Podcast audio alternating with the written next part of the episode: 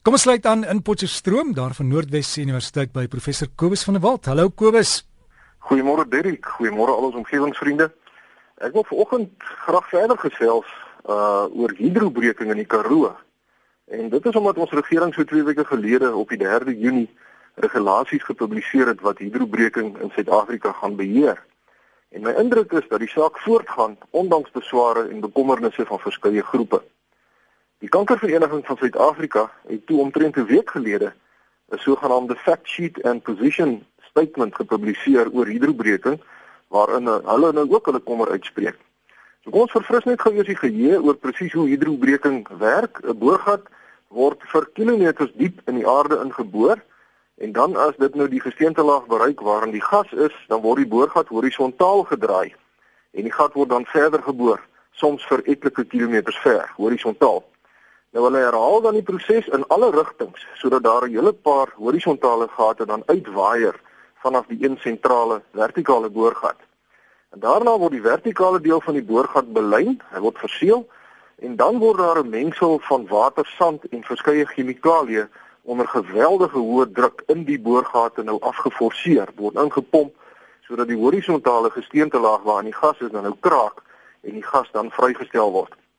Nou die water wat in die proses gebruik word, keer dan terug na die oppervlakte toe.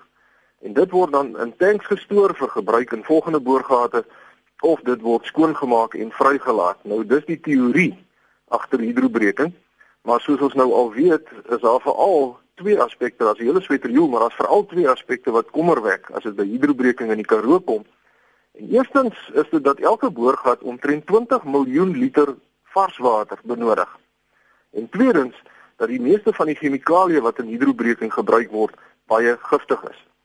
Nou alhoewel die chemikalieë in die brekingsvloeistof slegs omtrent 2% van die volume uitmaak, beteken dit steeds dat daar in elke boorgat in die orde van 300 ton chemikalieë in die grond ingepomp gaan word.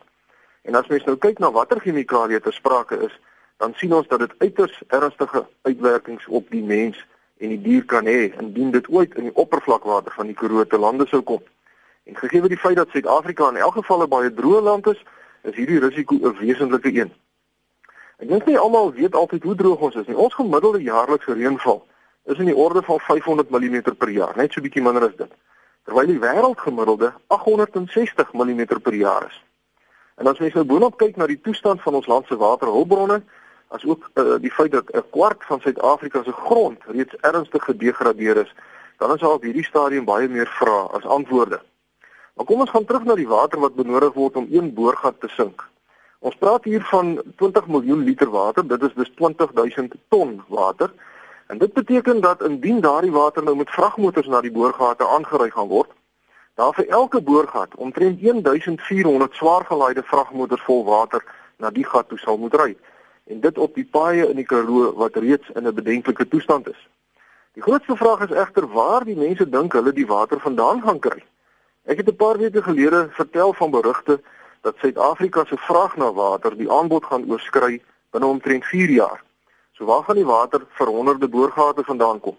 Ek het die woord beurtwater gebruik om die situasie mee te beskryf en eintlik maar net om die mense se aandag bietjie te trek, soortgelyk aan die beurtkrag wat ons tans ondervind. Maar dis nie so eenvoudig nie. Die watersituasie is baie moeiliker om te bestuur as die elektrisiteitssituasie, want met beurtkrag kan 'n mens bloot 'n skakelaar afskakel en weer aanskakel. Maar met beurtwater is dit bykans onmoontlik om beheer uit te oefen. So kom ons kom ons kyk gou na beurtwater. As mense nou sê nou maar besluit Johannesburg moet vandag sonder water wees. Dan draai mense nou die hooftoevoerklep toe, maar die pype en die reservoirs gaan steeds water in hê en die mense gaan aanhou om water te gebruik. So die huise wat op die hoër liggende dele gebou is, se krane gaan eers ophou droog, uh, ophou loop, terwyl die huise in die laagliggende dele van die stad steeds water sal hê. En as Pretoria dan die volgende dag beurtwater gaan kry, dan kan mense nou nie bloot Johannesburg se uh, toevoerklep uh, gou oopdraai nie, want die pype moet maar eers stadig volgemaak word anders kan hulle dalk bars. En dit beteken dat die laagliggende huise in Johannesburg weer eerste water in hulle krane sal kry terwyl die huise op die hoër gedeeltes eers sal moet wag totdat die pype nou heeltemal volgeloop het voordat hulle krane weer sal begin loop. En teen daardie tyd is dit al weer tyd vir die volgende beurtwater. So ek dink nie beurtwater sal ooit op soortgelyke wyse as beurtkrag toegepas word nie. Maar dit beteken eenvoudig watertekorte Dit gaan 'n deel van ons lewens word en dat baie streng waterbeperkings ingestel gaan word. So waar die voorstanders van hidrobreking miljoene der miljoene liter water vandaan gaan kry is onduidelik. Alles met betrekking tot hidrobreking is egter nie net slegte nuus nie. Dr Koos Wewe van Pretoria het vir my 'n artikel aangestuur oor die mees omvattende opname oor hidrobreking se invloed op die omgewing nog. Dit is 'n verslag wat in Amerika deur die um, Environmental Protection Agency vrygestel is. Nou die goeie nuus is dat hidrobreking in Amerika nie grootskaalse invloede op hulle drinkwater gehad het nie. Maar dit is sodat daar wel enkele kleiner gevalle is van plekke en dorpe waar hidrobreking die oppervlakwater erg besoedel het. Nou weet ons dat die Amerikaners dinge op groot skaal doen. En met hidrobreking is dit geen uitsondering nie. Hulle boor elke jaar omtrent 25000 boorgate.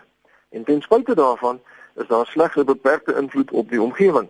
Maar nou is dit ook so dat dinge in Amerika meestal op die regte manier gedoen word, want daar is regeringswaghonde soos die Environmental Protection Agency wat effektief funksioneer. En dis natuurlik 'n oop vraag of ons dit in ons eie land gaan regkry om met dieselfde effektiwiteit toesig te hou oor hidrobreking wanneer dit nou eers 'n aanvang neem in die Karoo. Maar as dinge op die korrekte wyse gedoen word, is die risiko dat daar besoedeling kan plaasvind eintlik redelik klein, aldus die verslag van die Environmental Protection Agency oor hidrobreking in Amerika. Nou die verskillende groepe in Amerika se reaksie op die verslag is komies om die minste te sê, want die industrieleiers sê nou ja, kyk die verslag wys dat hidrobreking veilig is. Ons kan dit maar doen. En die omgewingsgroepe sê ja, kyk daar, die verslag wys dat hidrobreking wel die omgewing vergiftig en ons moet dit stop. Maar almal stem egter saam dat die grootste probleem met hidrobreking die miljoene liter besoedelde afvalwater is wat nou weer terugkom oppervlakte toe as jy nou klaar die hidrobreking gedoen het. En in Suid-Afrika is afvalwaterbehandeling een van ons groot probleme. Ons munisipale afvalwater se behandeling is die verantwoordelikheid van plaaslike owerhede en ons weet dat minstens 40% van ons plaaslike owerhede se rioolwerke glad nie eers werk nie. So wie gaan hierdie reuse klomp besoedelde water behandel en hoe goed gaan dit gedoen word? En dis 'n ernstige vraag en dit bring my terug by Kansa se standpunt oor hidrobreking. Kansa sê dat hulle uiters bekommerd is oor hidrobreking en hulle versoek dat die veiligheid eers verder ondersoek moet word voordat dit sal voortgaan. Hulle sê verder dat die brekingsvloeistof kankerwekkende stowwe soos formaldehied, benseen, kristalline silika, diesel, etielbenseen, tolueen en xyleen bevat en dat die regering dis eintlik die regering se plig dis die grondwetlike plig om die bevolking teen enige blootstelling aan sulke stowwe te beskerm want dit wek kanker. So kan sou vra dat die regering streng maatreëls sal instel soortgelyk aan die wat byvoorbeeld in Colorado in Amerika geld. Naamlik dat oppervlakwater gemoniteer moet word voor, gedurende en na afloop van die hidrobreking en dat 'n volledige lys van alle chemikalieë wat aan elke gat gebruik is binne 60 dae op 'n openbare webwerf gepubliseer moet word sodat mense kan sien wat se goed is nou alles in daardie water. En dan natuurlik die afvalwaterbehandeling. Uh, daar moet baie baie streng gekyk word dat uh, daardie uh, afvalwater nie in ons waterbronne beland nie. Omgewingsvriende, ek sien die tyd haal my in. So ek sluit graag vanoggend af deur my stem te voeg by Kansa en baie ander organisasies in Suid-Afrika wat vra dat die regering hulle huiswerk baie baie deeglik sal doen en sal sorg dat die pasgepubliseerde regulasies effektief afgedwing kan word voordat daar met hidrobreking begin word.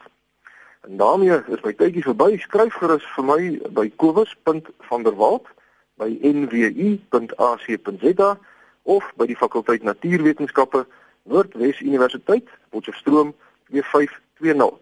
Kom ons hoop die stormers vermossel daardie brambies vandag en vriendelike groete tot 'n volgende keer. Tot 'n volgende keer. Dankie Kobus en lekker warm naweek vir jou.